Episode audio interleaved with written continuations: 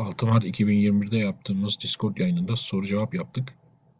Ee, bazı sorular kaldı. Bu soruları cevaplayacağım. Ek olarak siteden birkaç tane soru ekleyeceğim. Ve ekstra bir soru cevap e, podcastimiz olacak. IDK diye bir arkadaş sormuş. Bir aydır yazılım firmasında çalışıyorum. 9 saat civarı çalışıyorum. İşten çıktıktan sonra kafa olarak çok yorgun oluyorum. Oyun oynayamıyorum.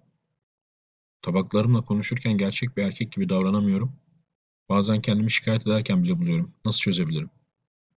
Şimdi bu senin ilk işinse ilk başta böyle birdenbire 9 saat çalışmaya ki 9 saat çok anormal, çok yüksek bir rakam değil. Ee, buna alışman lazım.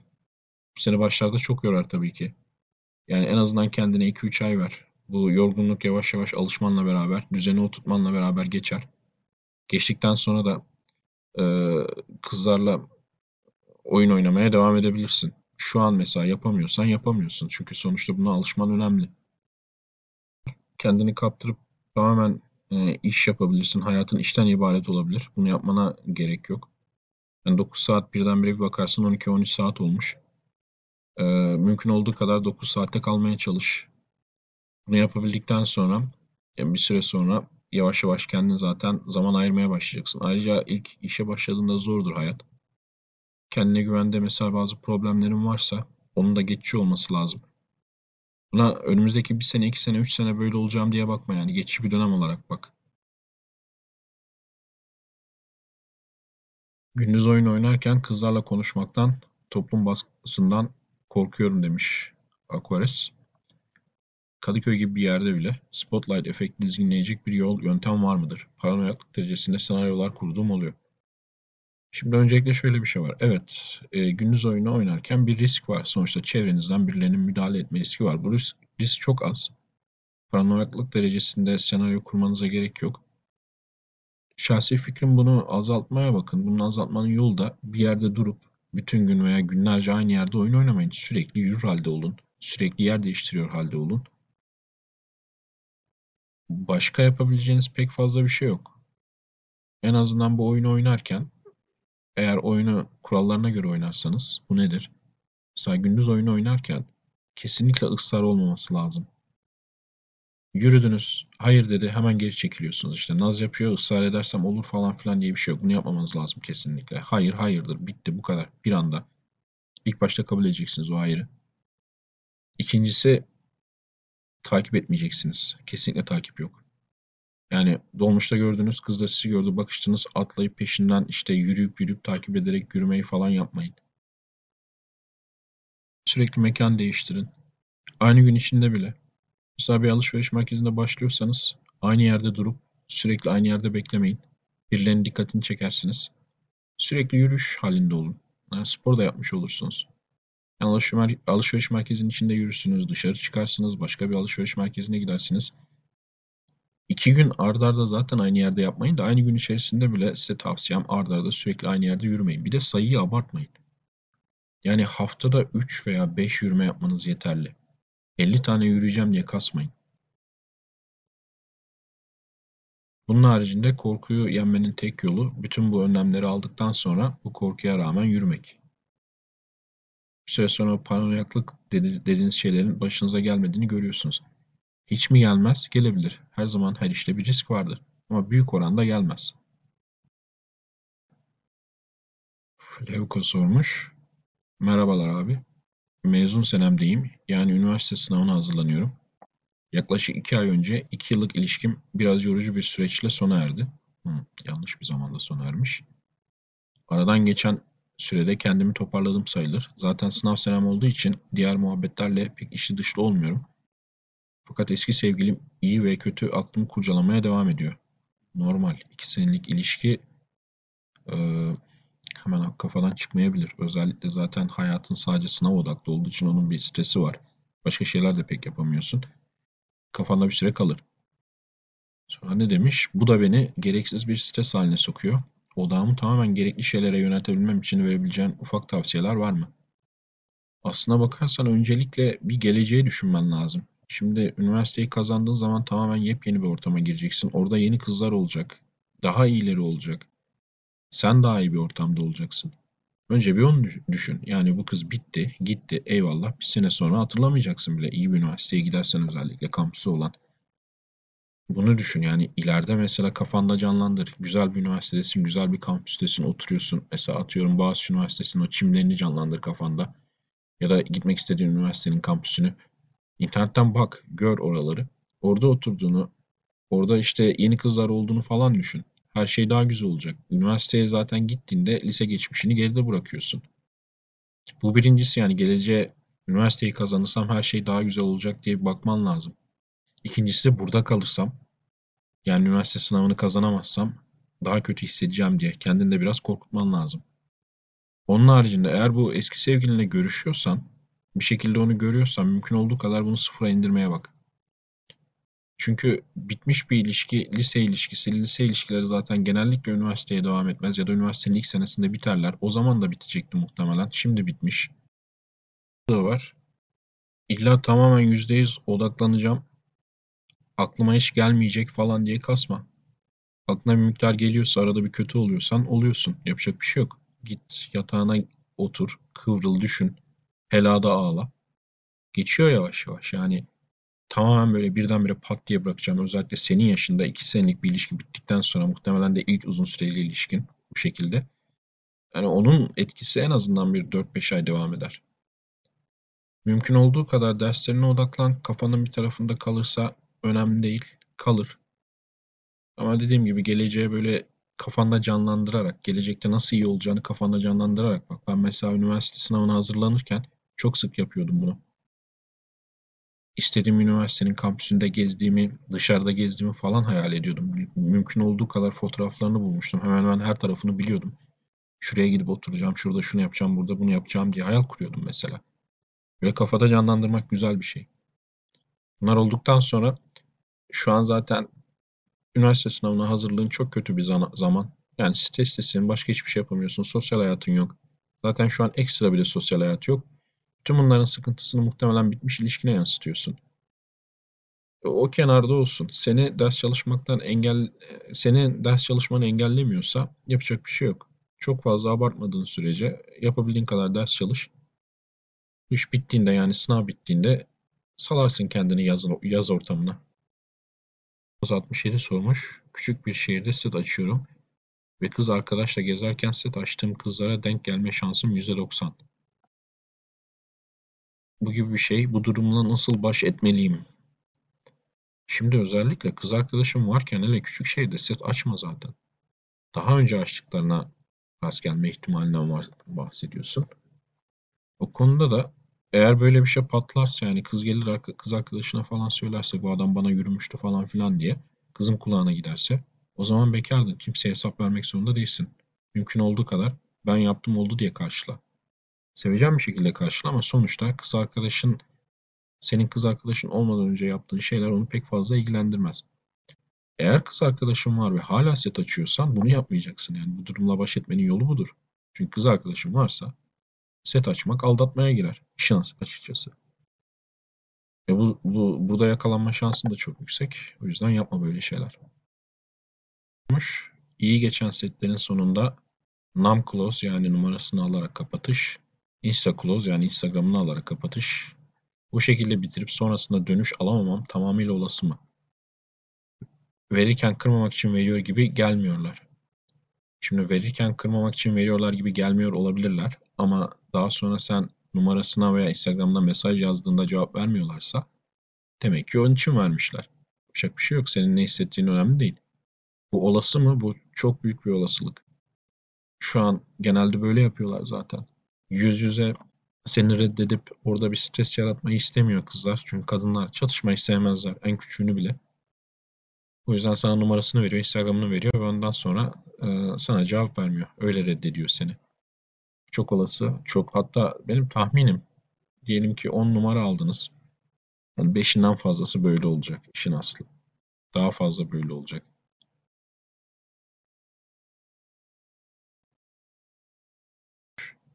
Abi game yaparken dün mesela 10 kıza yürüdüm. Bir tane numara, bir tane Instagram aldım. Instagram aldığım Reşit değilmiş. Onu da eleyelim. İlk defa bir haftadır oyun yapıyorum. Bu oran çok düşük değil mi?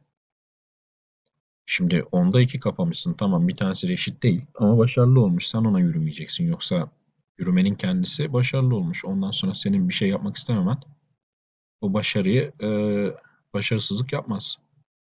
Yani beşte bir çok çok iyi bir oran. Düşük falan değil. Onda bir düşük değil. Yani bu işte oranlar bu. En iyileri için belki bir tık iki tık daha fazladır o kadar. Soruya şöyle devam etmiş. Kızlar sohbet ediyor ama iş numarayı vermeye geldi mi çekiniyorlar. E normal değil mi? Sokakta birdenbire karşısına çıkıyorsun. Numara vermek istemeyebilir birçok kız. Ee, numara vermeyene Instagram olsun o halde denir mi? Şimdi numarasını vermek istemeyen kıza hafif bir espriyle takılıp bir daha numarasını isteyebilirsiniz hemen. Eğer bir daha vermiyorsa ısrar etmeye gerek yok. O zaman Instagram olsun o halde diyebilirsiniz. Çünkü şu an Instagram'ı kızlar daha güvenli bir mesajlaşma ortamı olarak kullanıyorlar. Yani engellerim gider modundalar. Fakat daha zayıf.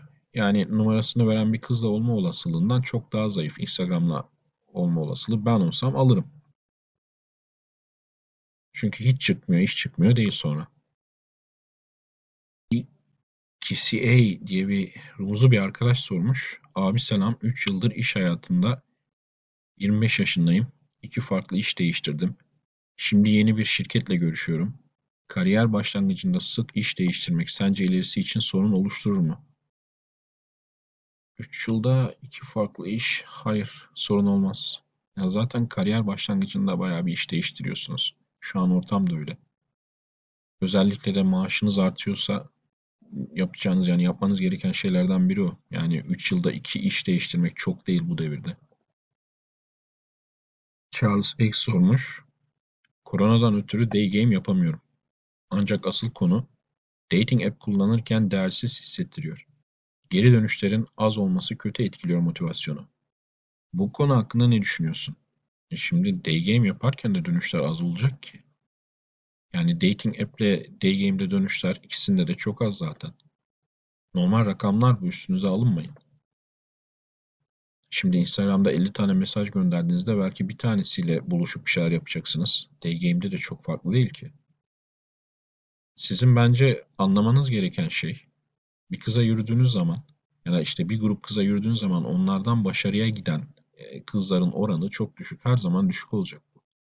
Senin için de düşük, benim için de düşük, başkası için de düşük. O yüzden çok fazla bunu kişisel algılamamanız gerekiyor. Ya hiç gelmiyorsa tamam. Ama 100 tane gönderiyorsunuz, bir tane yatıyorsunuz. Normal mi? Ne sanıyorsunuz ki? Yani 10 tane mesaj göndereceğim. Bir kızla yatacağım. O ne güzel. O zaman günde 100 tane kızı sağ atarsın. Ayda e, bilemedin işte 30 tane kızla mesajlaşmaya başlarsın. E diyorsun yani ayda 3 tane kızla yatacağım. Yani bu rakam iyi değil mi sence? Çok iyi değil mi daha doğrusu? Özellikle yeni başlayan için. Yani kendinizden çok çok fazla bir şey beklemeyin. Bu tür herkes için geçerli oranları da üstünüze alınmayın. Daha kolay olsaydı yani biraz fantastik olurdu işin aslı. Yutu sormuş. Toksik bir insanla muhatap olmak zorunda kalırsak nelere dikkat etmeliyiz? Şimdi toksik bir insanı sizin arkadaş çevrenize almanızı tavsiye etmem. Yani mecburen iletişime geçmek zorunda kalıyorsanız o iletişim içinde medeni bir şekilde gülümseyerek iletişime geçin. Sizinle herhangi bir duygusal ilişkisi olmasına mesela arkadaşlık, kız arkadaşlık ya da beraberlik gibi izin vermezsiniz. Mümkün olduğu kadar az muhatap olursunuz. O muhataplıklarda da işte o zoraki gülümseyerek medeni bir şekilde iletişime geçersiniz. Toksik insanlar genellikle aynı yere tıkıldığınızda o yeri mahvediyorlarsa büyük problem. O konuda da yapabileceğiniz tek şey toksik olmayan insanlarla daha yakın olup onunla daha uzak olmak. Böyle bir şekilde grup dışlaması yapılabilir. Mehmet Ali sormuş. Abi ben inancım gereği kızlarla cinsel ilişkiye girmiyorum. Ve ben bunu benim çerçevem olarak görüyorum. ise bana erkekliğimden bir eksiklik ve saçma bir şey olduğunu söylüyorlar. Konu hakkında bir bilgi, fikir verir misin?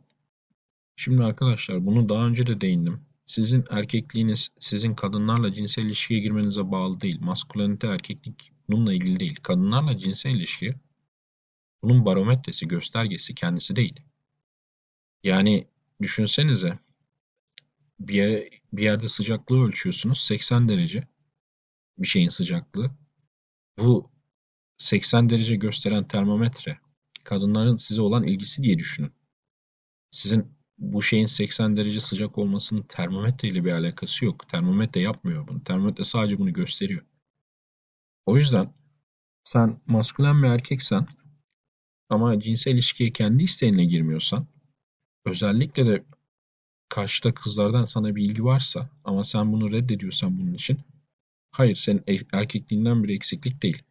E bir tecrübe eksikliği. Bu tecrübeyi yapabilsen olurdu. Tamam eyvallah ama erkekliğinle ilgili değil. Erkekliğini azaltan bir şey değil. Örnek vereyim. Ben üniversitedeyken iki sene yurtta bir adamla kaldım. Mert ismi. Adam erkek güzel, çok yakışıklı. Uzun boylu, bir 85 boyunda. Baya şey, cime falan gidiyor, adeleli. Çok koyu Müslümandı. Sürekli namazında, orucunda. Beraber kalıyorduk. O adam, ben onunla kaldığım iki sene boyunca ki ikinci sınıf ve üçüncü sınıf herhangi bir kızla bir cinsel ilişkiye girmedi ya da bir kız arkadaşı olmadı inancı gereği. Bunlara hayır diyordu. Ben üniversite boyunca yaptığını da sanmıyorum. Ondan sonra ne yaptı bilmiyorum. İletişimimiz kesildi. Ama şöyle bir şey var. Adam erkekti yani erkekliğiyle ilgili problem yoktu. Hatta şöyle bir şey vardı. Kızları reddediyordu. Kızlar peşinden koşuyorlardı ama adam hayır. Beraber olmuyordu. Şimdi böyle bir adam var mesela. Bu adam şimdi erkekliğinde bir eksiklik mi var? Hayır yok. Yani mesela benim kız arkadaşım arkadaşlarıyla falan buluşurduk bazen yanında bu adam olurken bakardım böyle diğer kızların öyle o bu kim falan diyorlar kafalarında yani gözleri parlıyor. Ama adam kızlarla beraber olmuyor. O kendi tercihi.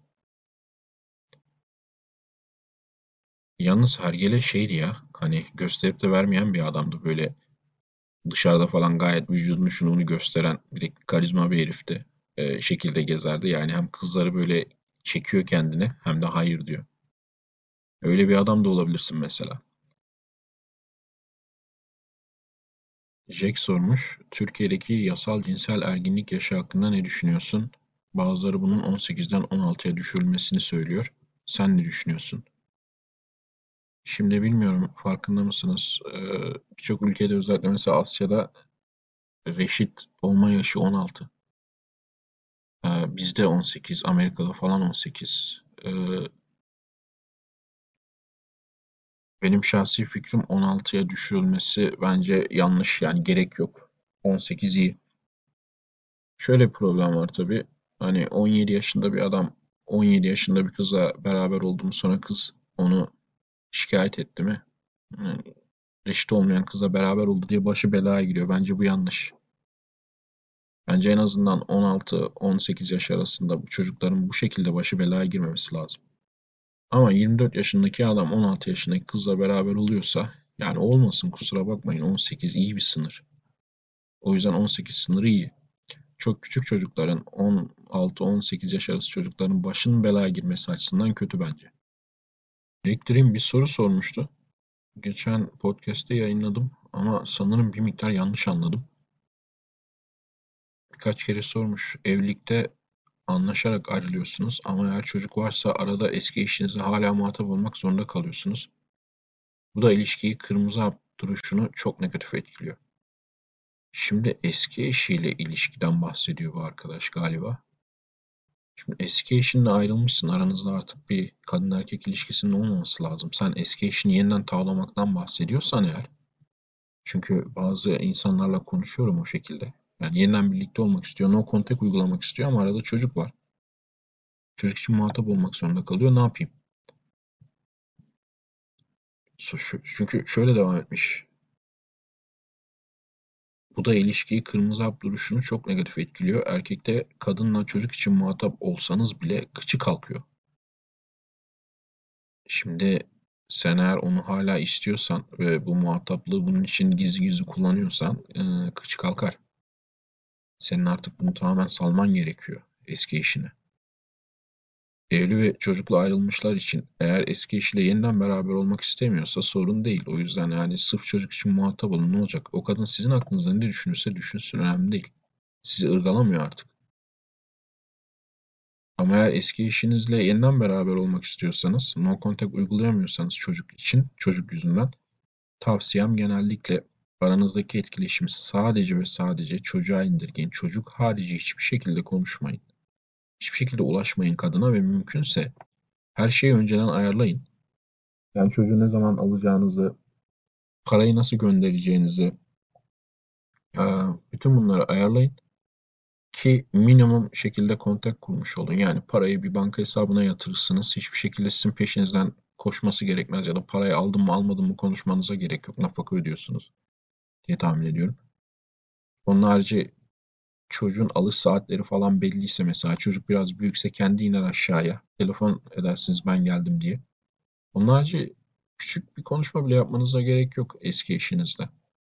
No contact'ı böyle uygulayabilirsiniz en fazla. Genelde sorun şey oluyor. Eski eşini istiyor. Çocukla arasında bir bağ var. Yani çocukla çocuk sayesinde kadınla arasında bir bağ var ve bunu kullanmaya çalışıyor. O zaman tabii evet. Ters teper. O bağı kullanmayın. O, o bağ yüzünden etkileşiminizi minimuma indirin. Yeniden birlikte olmak istiyorsanız da bunu yapın. Zaten birlikte olmak istemiyorsanız yapmanız gereken o. Minimumda tutmak. Şunu söyleyeyim. Hiç kimsenin ben şey pek fazla görmedim. İşte eski eşi eski kocasıyla ilgili yani adamla ilgili iyi şeyler düşünen zaten çok fazla çift yok. Bırakın istediğini düşünsün sizi ırgalamıyor. Çocuğa çok fazla yansıtmadığı sürece sizi kötülemediği sürece sorun yok. Sormuş. İşim gereği çok ufak bir şehirde yaşıyorum. Pandemiden sonra da sosyal olarak inanılmaz yetersiz bir hal aldım. Doğru herkes aynı durumda. Bu yüzden tek sosyal çevrem iş çevrem halini aldı. İş çevremde tabak çevirmem ne kadar doğru? Risklerinin farkındayım fakat şu anda oyun yapabileceğim tek çevre bu. Önerileriniz nelerdir? Şimdi ben bu şekilde çok insanla konuşuyorum. Doktor, polis, asker, öğretmen özellikle. Çok uzak yerlerde e, doğu görevini icra ediyorlar. Şimdi tabii bir de pandemiyle falan bazıları hiç çıkamıyor artık. Şehirden çıkmaları bile mümkün değil. Bazıları da çıkabiliyorlar arada bir. Şimdi durum ne bilmiyorum işin aslı. Fakat bu durumda tavsiyem birincisi sosyal medyayı ve işte dating app'leri kullanmaları. Ne kadar çalışır o küçük çevrede bilmiyorum. Ama bir iş çevrende tabak yapabileceğini düşünüyorsan e, o şehirde en azından başka iş çevreleri de vardır tabak yapılabilecek. Onlara ulaşmanın yolu da sosyal medya ve dating app'ler. Bunun haricinde eğer dışarı çıkabiliyorsanız bu durum mesela yani ufak bir yerde çalışmak zorunda kalan e, insanlara şeyi tavsiye ediyorum. Uzak mesafe ilişkisi ya uzak mesafede avlanmak bu durumda geçerli. Yani yakınlarda büyük bir şehir vardır. Orada dating app'lerle veya Instagram'la falan avlanırsınız. Birkaç tane kız bulduğunuz zaman da gider meyve toplarsınız hafta sonu. Eğer kız arkadaş yaparsanız da evet uzak mesafe ilişki için mesela eğer küçük bir şehirde yaşıyorsanız o şehirde kız yoksa uzakta bir şehirde olsun en azından ayda 2-3 kere falan buluşursunuz. Bu mesela benim uzak mesafe ilişkileri için e, tavsiye ettiğim bir istisna. Normalde uzak mesafe ilişkisini tavsiye etmiyorum ama kaldığınız yerde kız yoksa. Yani adam ufacık bir kasabada öğretmenlik yapıyor, kız yok. Dışarıda yürümesi de mümkün değil, çok tutucu bir yer. Ne yapacak? En yakın şehir, büyük şehir. Orada bir kız arkadaş bulsa ya da bir kız bulsa haftada ayda bir iki kere hafta sonu buluşsalar sıfırdan iyi. Önündeki en büyük engel de kafa yapısı. Çünkü ben bu çocuklarla konuşuyorum. Şey diyorum. Yani uçak bileti şu kadar. Otobüs bileti şu kadar. Gel. Otel de şu kadar. Ona verebilecek parası oluyor genelde. Zaten küçük yerde para harcayamıyor. Yani bütün Türkiye senin av alanın. Tamam çok uzağa gitmene gerek yok. Ama düşün İstanbul'da oturuyor adam uzak mesafe ilişkisi yürütüyor. Bence yanlış ama yapabiliyor. O senin için mesela hiç yoktan iyi. Hafta sonları eğer gidebiliyorsan o küçük yerde kalma. Sürekli büyük bir yere git. Oralarda gez toz, oralarda avlan. Sonuçta ulaşım çok kolay artık. Mahmut abi, dinler birisinin erken evlenmesi sence uygun mudur? Sonuçta 30 yaşına kadar beklemek çok zor. Evet, çok ama çok zor. Mesela 25 yaşında evlenmeyi mi önerirsin yoksa 30'a kadar sabretmeyi mi? Şimdi normalde ben ideal evlilik yaşı diye bir yazı yazdım. Erkekler için ideal evlilik yaşı. Orada evlenme yaşı olarak ideal 30 değil 33 dedim. 32-33 civarı. Fakat eğer dini nedenlerden dolayı evlilik öncesi seks yapmıyorsan ya da başka nedenlerden dolayı başka bir inanç ya da muhafazakarlık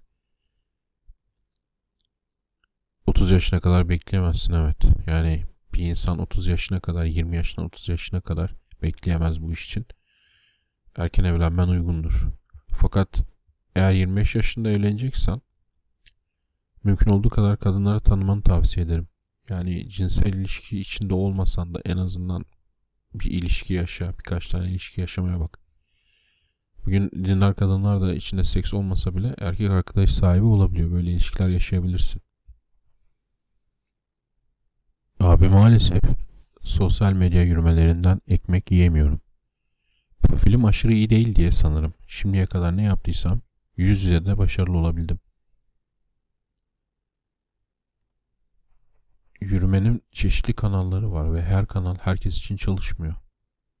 Mesela bazıları yüz yüzeden ekmek çıkarıyor, sosyal medya hiç çalışmıyor. Bazılarına Tinder çalışıyor, bazıları için çalışmıyor. Önemli olan birkaç tane sana ekmek çıkaran kanalın olması. Eğer yüz yüzeden bir şey çıkıyorsa sosyal medyadan da çıkmasın ama şunu söyleyeyim profilinin aşırı iyi olması gerekmiyor sosyal medyada başarılı olman için. Muhtemelen kendini yansıtamıyorsun sosyal medyada. Bunun için iyi olması yeterli. Aşırı iyi olmasına gerek yok. Belki de mesaj oyunu çok berbat. Benim tavsiyem eğer bir veya iki kanaldan yeterince ekmek yiyorsanız bazı kanallar çalışmıyor diye çok fazla şey yapmayın, dert etmeyin. Şimdi tabii şu an herkes evine kapalı olduğu için sosyal medya çalışması lazım. Çünkü başka bir yürüme kanalı yok. Ama normal durumda pek fazla dert etmezdim. Eğer mesela Tinder çalışıyorsa, sokaktan iş çıkmıyorsa dert etmeye gerek yok. Ya da sokak çalışıyorsa ama Tinder'dan iş çıkmıyorsa, sosyal medyadan iş çıkmıyorsa dert etmeye gerek yok. Ee, sosyal medyanın senin için nasıl çalışabilir hale getireceği konusunda konuşmak isterdim ama herhangi bir bilgi yok o konuda. O yüzden bir şey diyemeyeceğim ama şunu söyleyeyim tekrar. Profilinin aşırı iyi olması gerekmiyor. Erkekler için Tinder rehberi diye bir kitap yazmıştık. Tinder için olsa bile genel olarak sosyal medya profilindeki fotoğraflarınızın biyografinizin ve oradan yansıttığınız şeyin nasıl olması gerektiği konusunda bayağı bilgi var o kitapta.